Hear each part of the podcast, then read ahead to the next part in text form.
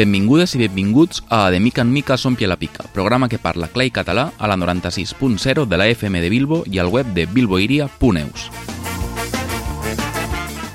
En el programa d'avui, l'Albà ens porta des d'Irunya un embruix de les tradicions sobre música medieval. Escoltarem la nova cançó de So, un remix del carrer de l'Amargura en músics bascos.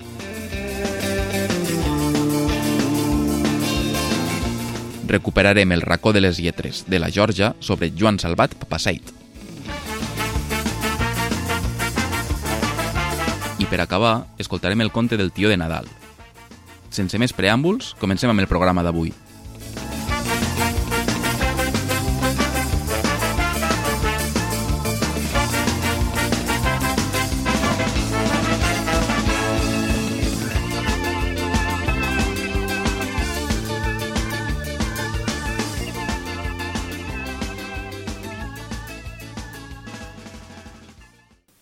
De mica en mica s'omple la pica, un programa per parlar clar i català a Bilboiria i Ràtia. Bé, com podeu veure, l'Albae seguís a Irunya, m'ha tornat a deixar sol als estudis de Bilboiria, però també li hem enviat eh, deures i ara ens portarà una secció, un embruix de les tradicions sobre música medieval, sobre trobadors i xuglars de, de l'edat mitjana. Així que l'embruix de les tradicions amb l'Albae.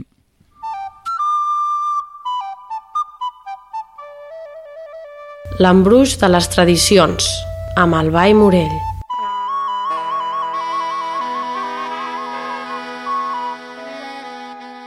Bona nit. Avui parlarem de joglars i trobadors. I és que, quan parlem d'ells, solem confondre un terme amb l'altre. O fins i tot pensar que és el mateix amb noms diferents. I la veritat és que són molt similars, però tenen algunes diferències entre ells. Però anem a parts. Comencem pels trobadors. Si parlem d'etimologia, la paraula catalana trobador prové del provençal trobaire, en el cas dels homes, i trovairice, en el de les dones. Per la seva banda, la paraula en llengua d'oc prové del llatí tropatore, que eren els autors dels tropi, uns textos musicals religiosos. El terme tropi també significa imaginar i crear. De tot això en traiem que trobar significa compondre lletra i música i que el que feien els trobadors era precisament crear poemes musicats. Sobretot poemes, ja que moltes vegades utilitzaven melodies anteriors. En definitiva, és un poeta cantor que componia durant els segles XII i XIII en occità. Parlo de poemes, però en aquella època els poemes eren exclusius dels clergues i només es podien escriure en llatí.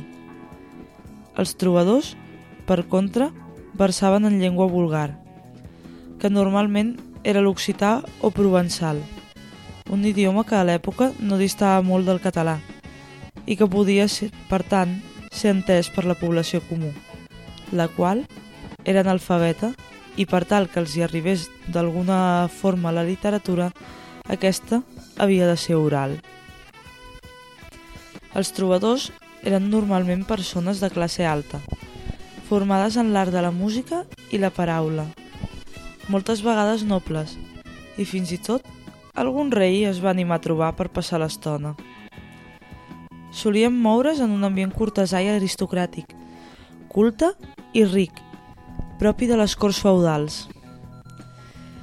Se sap d'uns 350 trobadors, dels quals 24 eren catalans. Per alguns, trobar era simplement una forma d'expressar la seva personalitat o una arma política. Per altres, era una professió de la qual vivien, al ser contractats i tenir un sou per part de la cort reial. Tot i les diferències socials que podia haver entre ells, solien tractar-se com a iguals, perquè compartien la mateixa activitat. Això no vol dir que no sabessin en quina posició de la jerarquia social estaven, simplement que el fet de ser trobador donava un prestigi que permetia aconsellar els grans senyors i gaudir d'una confiança que en altres circumstàncies no hauria existit. Això sobretot durant el segle XII. Al segle XIII, alguns ja es queixaven de la falta de prestigi i el poc acolliment a les corts. Es deia que treballaven molt lentament, ja que estaven subjectes a unes normes mètriques molt estrictes, que no donaven peu a la improvisació. Creaven més o menys unes 10 trobes per any, el que vindria a ser també avui en dia la producció mitjana dels cantants i grups musicals. Així que, com veureu, no eren tan lents, o potser és que avui en dia tampoc es pot anar més ràpid. A part de la vida dels que eren grans senyors o reis, poc sabem de la resta dels trobadors, ja que moltes vegades, a l'apartat dels cançoners on parlaven de la seva vida, el que explicaven eren llegendes.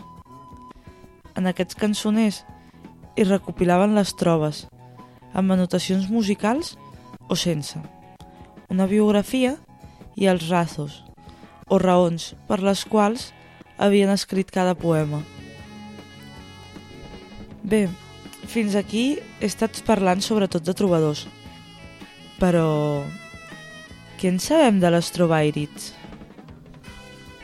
Elles van ser les anomenades creadores de la, de la cultura de l'amor cortès. Durant uns segles d'inestabilitat política i lluites entre senyors feudals, elles van ser les encarregades de fer saber al món que hi ha altres maneres de fer les coses. Algunes d'aquestes dones van ser les protagonistes i les impulsores de l'esplendor de la cultura occitana, convertint Occitània en un dels centres més actius de la cultura medieval de l'Occident, que contrastava molt amb l'ambient bèl·lic que assolava Europa. Naixia un entorn cultural de música, poesia, jocs d'amor i una nova forma de relacionar-se entre homes i dones, que s'havia anat forjant a l'interior dels castells occitans que elles governaven i administraven. Aquestes dones van apostar per una forma d'estar al món, exercint una notable autoritat en la política i en la cultura del seu temps. Van ensenyar a estar en el món amb el seu desig, sense violència, reconeixent la força creadora i civilitzadora de l'amor. Per això, elles són creadores de l'amor cortès, perquè va ser un desig i una necessitat latent en una societat marcada per la guerra van crear una forma de política i de relacions en què l'amor se situà en el mateix centre de la política, perquè elles es mantingueren fidels a l'intel·lectus amoris o l'enteniment de l'amor. Així, com hi havia classe, trobadors de classes socials més baixes, les trobairits eren totes de classe noble, dones amb accés a la cultura de l'època, influenciades per obres llatines clàssiques i per la poesia de l'Àndalus. Creaven versos en els quals dictaven normes de comportament per als homes que pretenien mantenir relacions amb elles.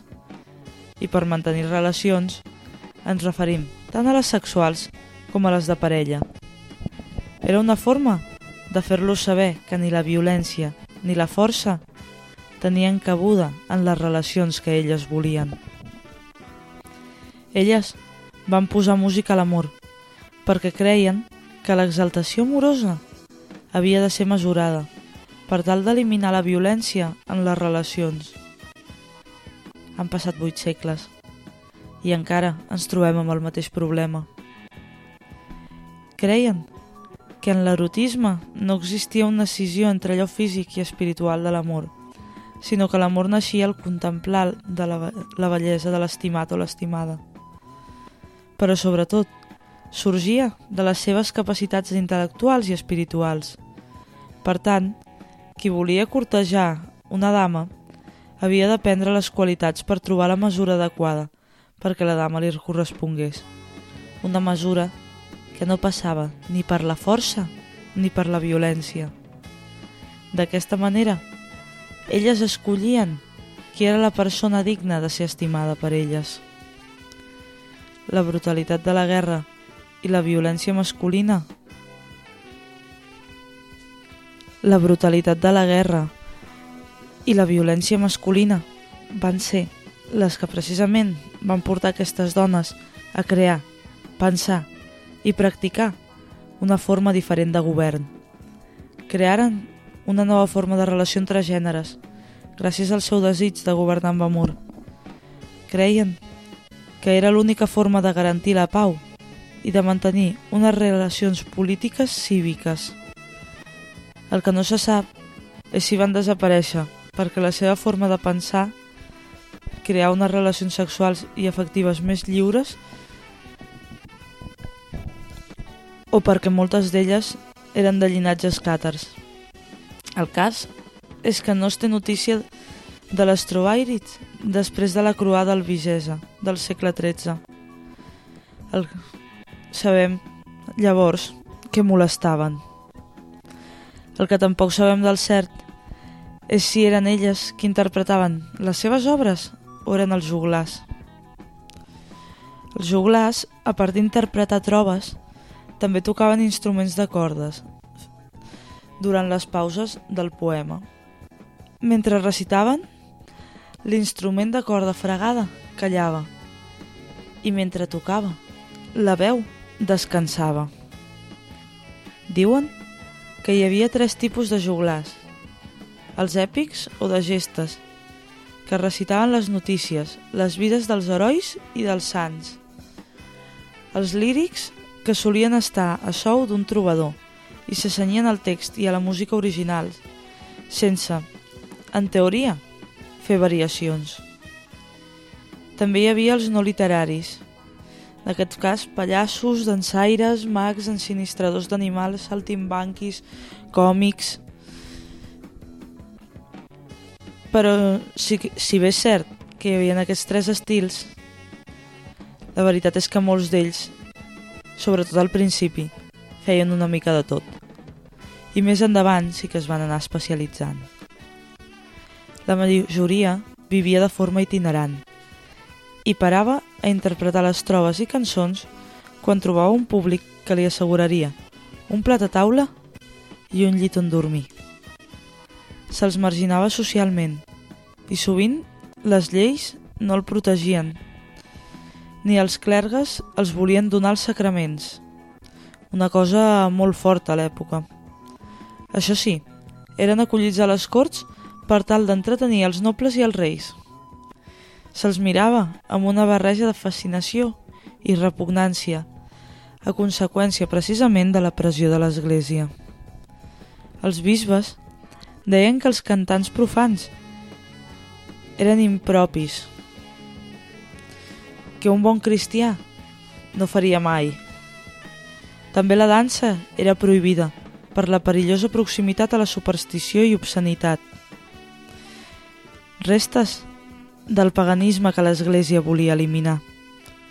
Desgraciadament, no ens ha arribat molta informació sobre com eren aquestes danses i cants amorosos burlescos. El que sí sabem és que ni totes les prohibicions i persecucions per part de l'Església van aconseguir frenar la música popular i el poble va seguir acceptant els juglars a les seves viles per poder oblidar, ni que fos una estona, la crua realitat del seu temps.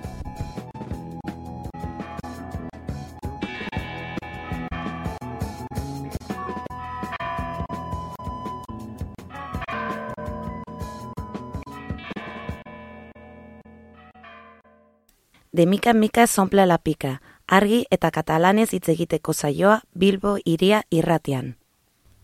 Esta setmana la connexió musical entre els països catalans i Euskal Herria ens ha donat una, una nova cançó, en este cas de So, en Fermín Muguruza, Sabi Aracama i So Songo. Eh, la cançó del, de, és de So, Carrer de l'Amargura, ara per ser una, un basc remix en, en K. Així que escoltem el, el basc remix de So, eh, Carrer de l'Amargura.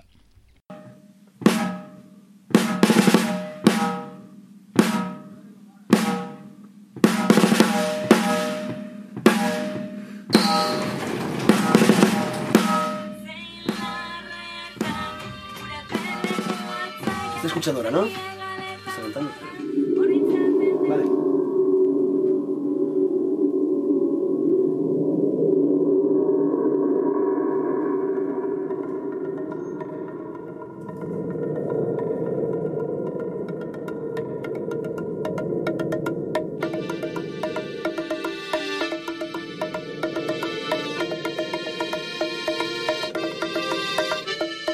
Deixa València, juliol, puta vida. Últim examen, primer raig de sol. Porta les mans a rapais de fer extres. Tot el dolor de la vinya rinyons. Creu a la pista de silla migdia. Sona l'herència, li cau la suor. Mira l'arròs, la ribera que brilla. Tira per dins a la cant interior. Ei! Entzun ezazue! Carrer de la Margura! Garrastasunaren kaletikan! Fermin Muguruza eta Zo! País Valencia eta Euskal Herria! Andaban las hachas! Gore herriak! Gore! Is de la cancara amb un per Mariola. Vaig tornar al poble a diari, no pot. Amb el lloguer i amb el curro ja sola. Cuina el sopar de sa mare, no vol que ningú sàpia que cobra per hora. Condescendència en les justes, amor, tot el que té pel seu fill que diu hola. Des del seu ventre batega el seu cor. Baina denbora astiro doa festa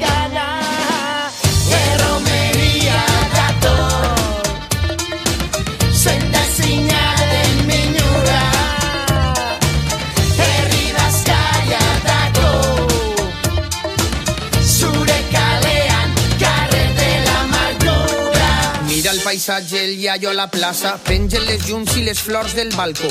No pot anar al casal ni de casa, i les olives li donen poc a poc. Enguai l'orquestra està enfront de sa casa, música i festa, la dansa al bastó. A aquestes altures, i fas el que fassa, ja va per dins tota la processó. Baina denbora astiro doa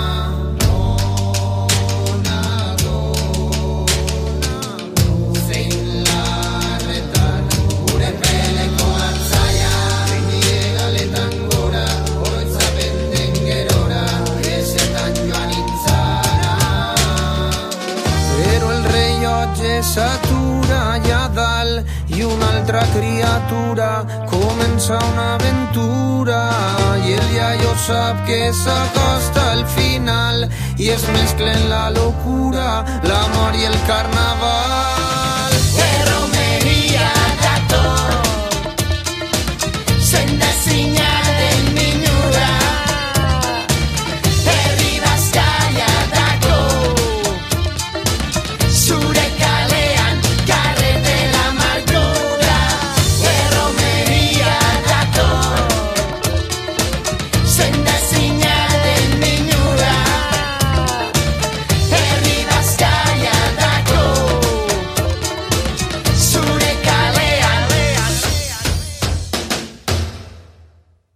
Mica en mica s'omple la pica, un programa per parlar clar i català a Bilboiria i Ràtia.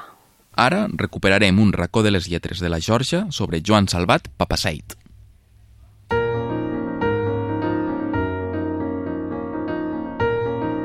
El racó de les lletres, amb Jorge Garralda.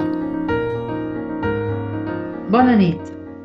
Comencem el racó de les lletres d'avui llegint uns haikus del poeta Joan Salvat Papaseit, al qual dediquem aquest programa.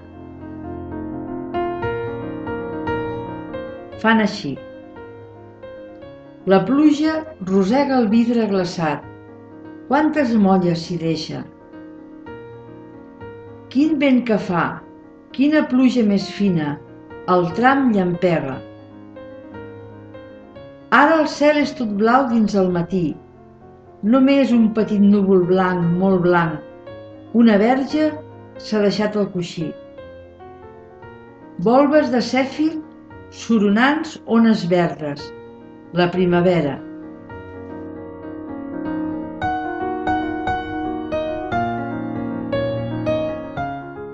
Joan Salvat Papaseit neix a Barcelona el 16 de maig de 1894 i mor a la mateixa ciutat el 7 d'agost de 1924. Va ser un escriptor barceloní d'extracció humil, esperit rebel i altament autodidacta. Conegut com a poeta d'avantguarda, va tenir també una prolífica activitat com a redactor d'articles de crítica social en català i en castellà. Simpatitzà primer amb la corrent socialista, per després sentir-se anarquista i nacionalista. El seu estil enèrgic i impulsiu contrasta amb una vida d'obligada rutina i repòs degut als problemes de salut. Morí de tuberculosi amb 30 anys, deixant una obra que durant dècades va ser poc coneguda. A partir dels anys 60, la seva figura va ser popularitzada gràcies a autors de la nova cançó que van posar música a alguns dels seus poemes. Avui dia és considerat un dels escriptors catalans claus del segle XX i el seu recull de poemes El poema de la rosa als llavis ha estat lectura obligada a l'ensenyament secundari a Catalunya. Comencem amb un dels seus poemes. Canto la lluita. Cavaller d'un curser qual clineres de flames, soy jo l'incendiari de mots d'adolescent. Blasmo els déus a ple vol, la raulit bestiari, tem el fuet del meu cant. I he maridat la lluna, però no dormo amb ella si el filisteu governa els meus domenys.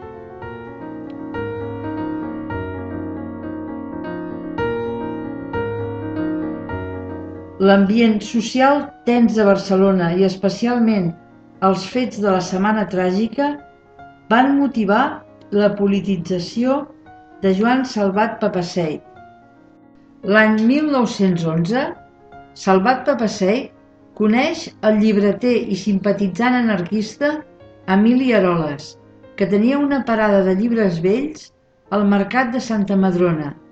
Allà va compartir tertúlia amb en Joan Alavedra, Antoni Palau i altres apassionats dels llibres i de la política.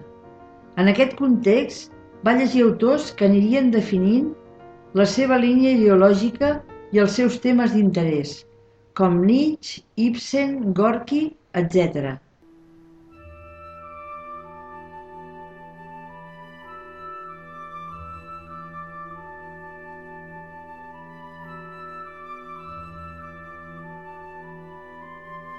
Aroles, Alavedra i Salvat s'afilien a l'Ateneu Enciclopèdic Popular, entitat en la qual Salvat Papasseit va arribar a ser secretari general, membre de la secció de Cultura i bibliotecari.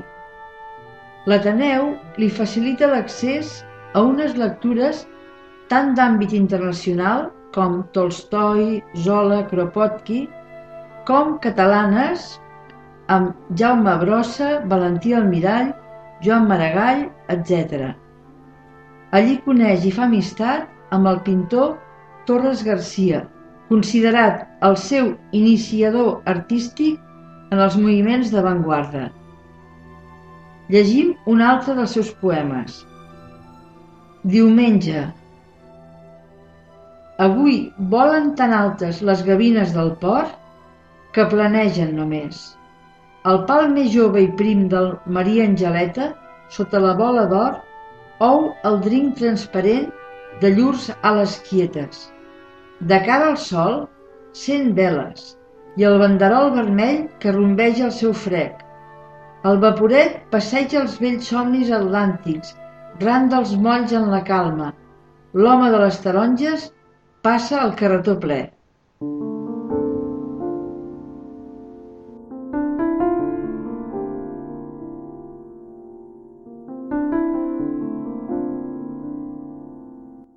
L'any 1912 comença a festejar amb Carme Eleuterio i Ferrer, una noia del seu barri amb qui es casa l'any 1918 i a qui dedica el següent poema, Venedor d'amor.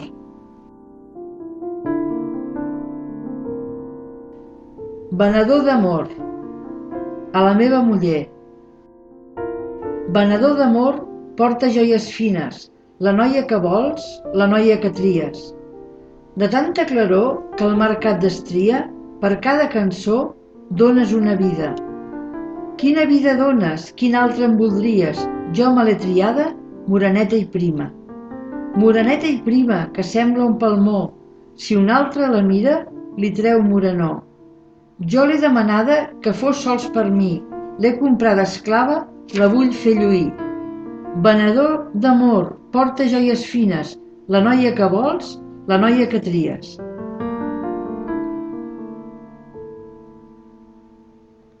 L'any 1913, el poeta fa amistat amb Daniel Cardona, el qual l'introdueix en els ambients nacionalistes radicals. Més tard, l'any 1923, Joan Salvat Papaseit escriu el pròleg d'un llibre de Cardona on el poeta manifesta la seva simpatia cap a posicionaments clarament separatistes. Serà l'any 1914 quan la seva afició a l'escriptura es consolida i entra en Baroles a la redacció de la revista llibertària Los Miserables, en la qual publica fins l'any 1916. Allà signà els seus articles amb el pseudònim de Gorkiano, per l'admiració que sent per Màxim Gorki. Llegim un altre dels seus poemes.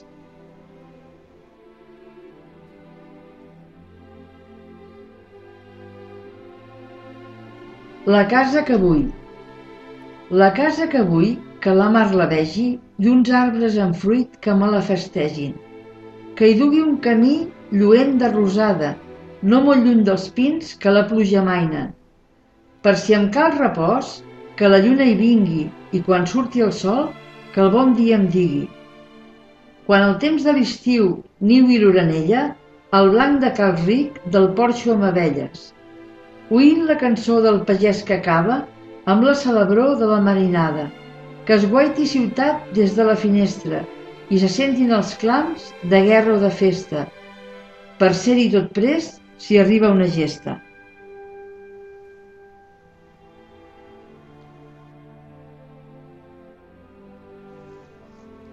Per tal d'obtenir ingressos, comença a treballar com a vigilant nocturn al moll de la fusta de Barcelona, activitat que anys més tard abocaria en el seu poema Nocturn per acordió. Nocturn per acordió, a Josep Aragai. Heus aquí, jo he guardat fusta al moll. Vosaltres no sabeu què és guardar fusta al moll, però jo he vist la pluja a barrals sobre els bots i de sota els taulons a reulir-se el preu fet de l'angoixa, sota els flandes i els melis, sota els cedres sagrats. Quan els Mossos d'Esquadra espiaven la nit i la volta del cel era una foradada, sense llums als vagons, i he fet un foc d'estelles dins la gola del llop. Vosaltres no sabeu què és guardar fusta al moll, però totes les mans de tots els trinxeraires, com una faràndula, feien un jurament al redós del meu foc. I era com un miracle, que estirava les mans que eren balbes, i en la boira es perdia el trepig. Vosaltres no sabeu què és guardar fusta al moll. No sabeu l'oració dels fanals dels vaixells, que són de tants colors com la mar sota el sol que no li calen veles.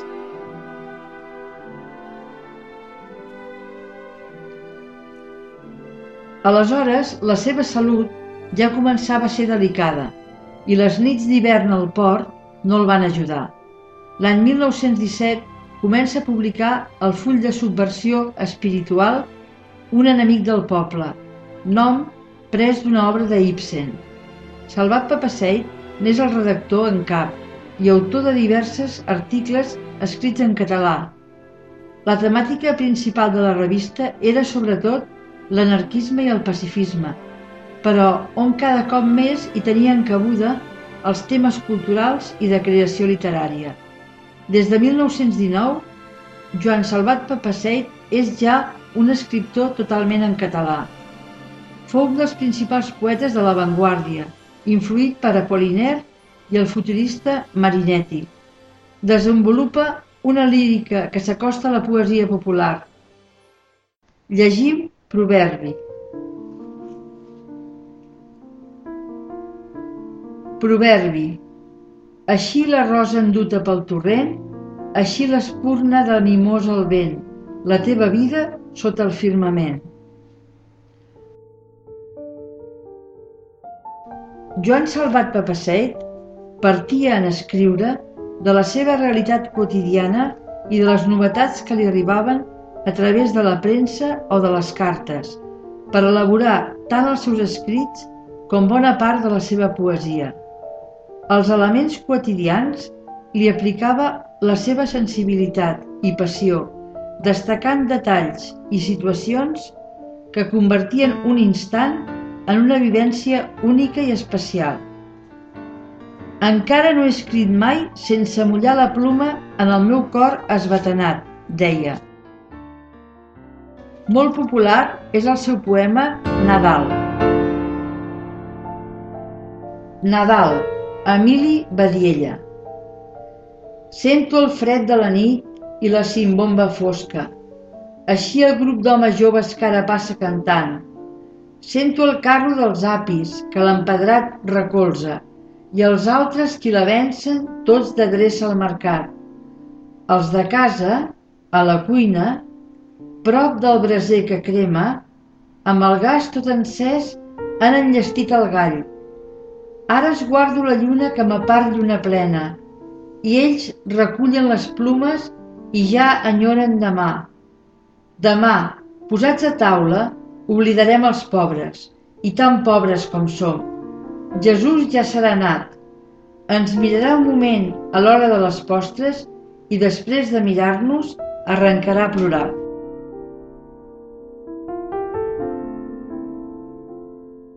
El tractament de l'amor i l'erotisme és un tret distintiu en la poesia de Salvat Papaseit. El llibre El poema de la rosa als llavis ha estat qualificat com un dels millors poemes eròtics de la literatura europea. Joan Salvat Papaseit és potser el poeta que ha tractat el sexe i l'erotisme d'una manera més neta. Llegim, per exemple, Més d'aquest somni,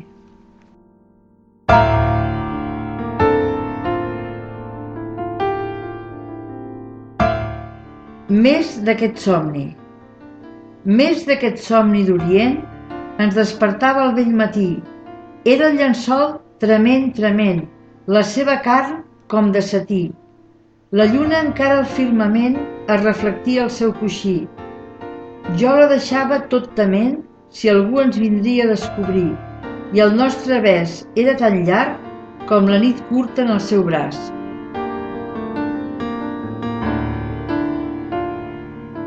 Joan Salvat Papaseit mor de tuberculosi als 30 anys. Sota el seu coixí troben una sèrie de poemes inèdits que publiquen l'any 1925 amb el nom Dossa Menor.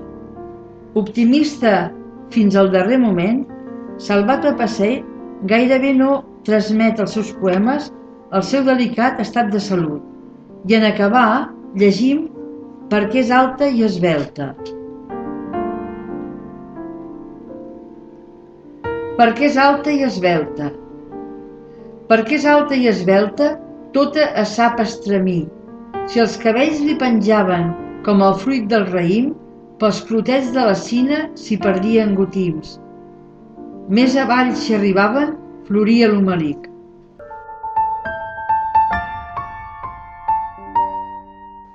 Bé, acabem així aquesta secció dedicada avui al poeta Joan Salvat Papaseit. Bona nit.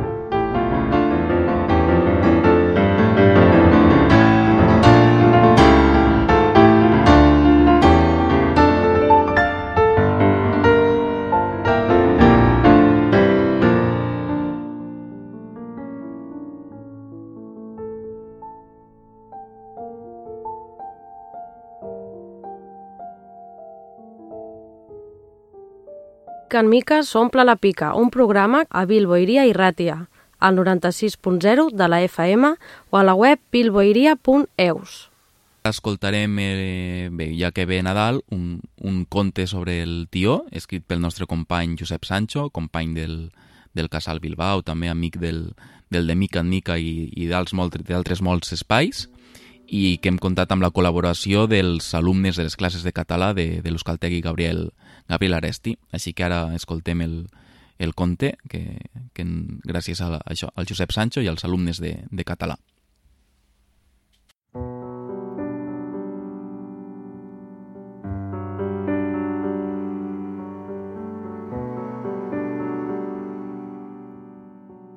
El tió i el bosc, de Josep Sancho. Hi havia una vegada, en una terra molt, molt llunyana, un buscai que cagava regals. Però sabeu què és un buscai? També se li diu tronc, llenya o tió. Però, en aquest cas, la paraula buscai ens recorda el bosc.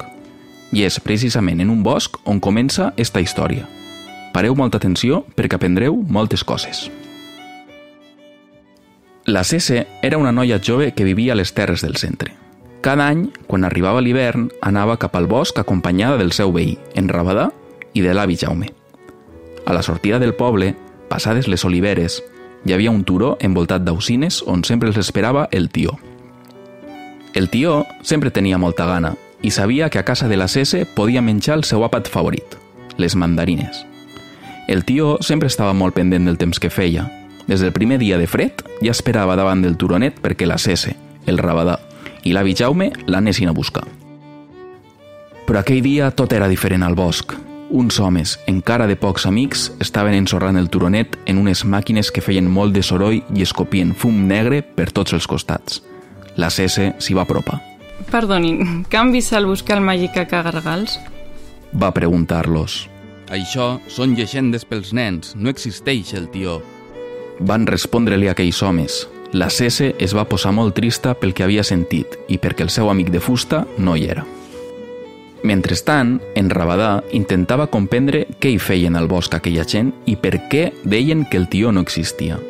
L'avi Jaume va somriure i girant la mirada cap a la Cese i en Rabadà va dir-los Tot allò que té nom existeix. Teniu una tasca per fer. Trobar el nostre amic. Jo, mentrestant, em quedaré aquí vigilant el bosc. La Cese i en Rabadà van rumiar una bona estona on dimonis podia ser el tió, fins que en Rabadà va dir Segur que ha anat a comprar una manta per no tindre fred. Així que tots dos, la Cese i en Rabadà, van baixar cap al poble de les Mantes, allà on florixen els tarongers.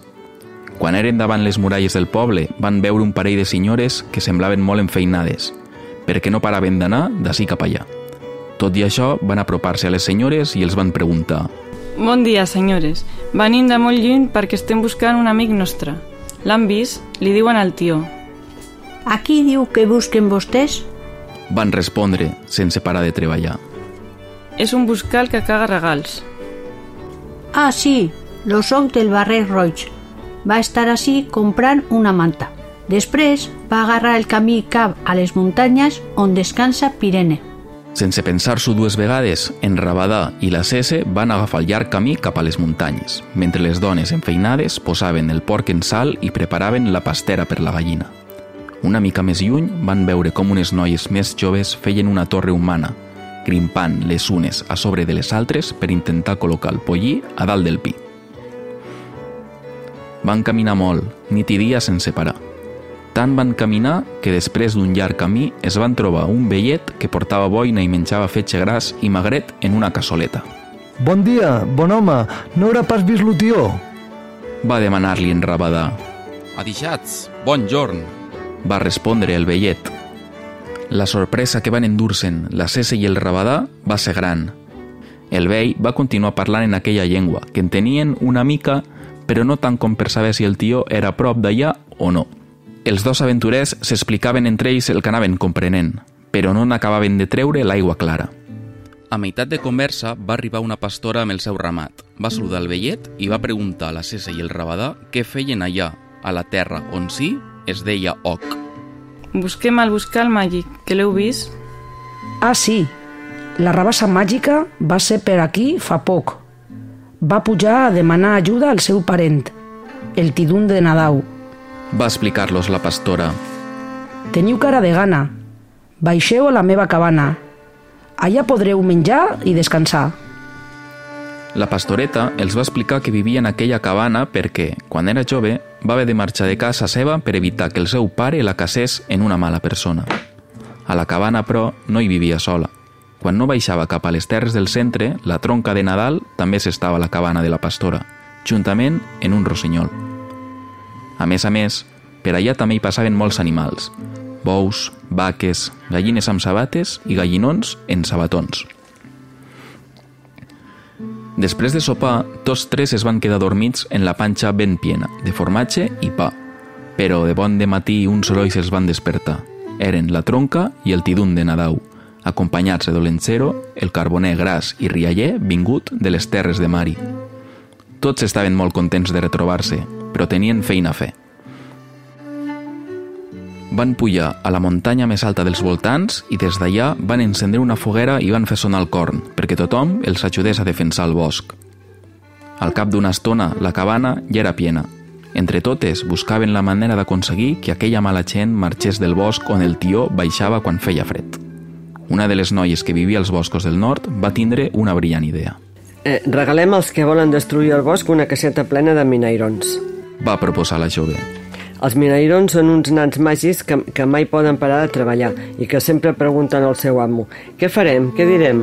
Dit i fet. En molt poca estona van tornar totes cap al bosc de les terres del centre, ja que les dones d'aigua van portar-los per dreceres secretes. Un cop van ser davant d'aquella gent envoltada de fum, van dir-los en l'esperança d'enganyar-los. Aquesta és la casa dels minarons. Qui en sigui l'amo sempre tindrà esclaus. En el seu afany de poder, tots de cop van deixar el que estaven fent i van començar a barallar-se per la caixa. D'esta manera, el bosc es va salvar, perquè encara avui es barallen per la caixa dels minairons. Per celebrar la victòria, van fer un sopar de germanor, però l'avi Jaume, que havia passat molt de fred després de tants dies al bosc, estava malalt. El tió, després de cagar torrons, avellanes i regals per a tothom, es va tirar a la llar de foc i va donar calor durant molt, molt i molt de temps, curant l'avi Jaume. Aquest va ser el millor regal.